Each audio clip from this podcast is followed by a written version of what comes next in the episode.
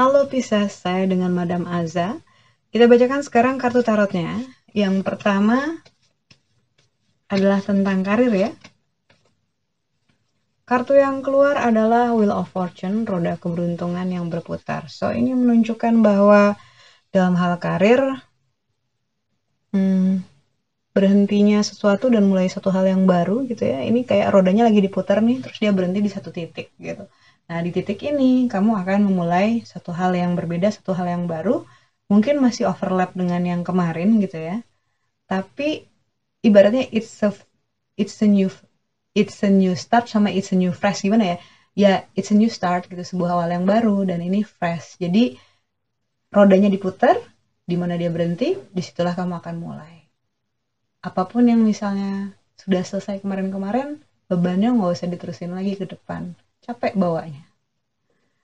Kartu untuk percintaannya.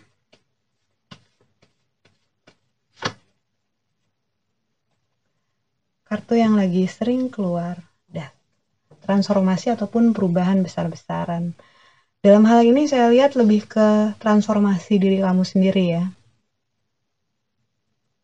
ini adalah satu hal yang sudah kamu pikirkan cukup lama atau mengganggu cukup lama walaupun kecil-kecil ibaratnya kayak cubitan-cubitan kecil tapi ya udah saatnya dilakukan perubahan itu transformasi itu udah saatnya kamu lakukan demi kamu sendiri supaya kamu bahagia Semakin ditunda, semakin membuat kamu capek.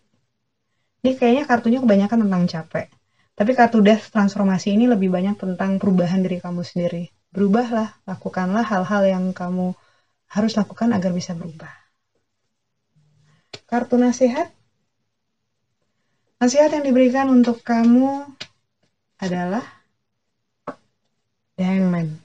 The Hangman ini menunjukkan adanya cobaan ataupun challenge saat seseorang digantung terbalik, dia memang menderita kesulitan, tidak bahagia mungkin gitu ya. Tapi dengan kondisi seperti itu, kamu jadi tidak bisa menghindar, tidak bisa mengelak, dan hanya bisa berpikir kemarin-kemarin itu seperti apa dan harusnya seperti apa, perbaikannya seperti apa, dan ke depan rencananya harus seperti apa juga, biar lebih sesuai dengan keinginan kamu. Jadi nasihat yang diberikan adalah jangan keburu mengeluh ataupun tidak menyukai situasi sulit rumit yang kamu hadapi karena justru itu mungkin diberikan sama kamu agar kamu lebih cepat progresnya ataupun perkembangannya tanpa adanya masa-masa sulit ini mungkin kamu nggak ke mana-mana mungkin kamu nggak berkembang dengan seharusnya sesuai dengan potensi kamu jadi walaupun berada dalam situasi yang sulit bersyukurlah niscaya kamu akan dapat matahari yang ada di kepala kamu kebijaksanaan, kebahagiaan, dan juga keberuntungan. Terima kasih. Jangan lupa untuk like, subscribe, dan share.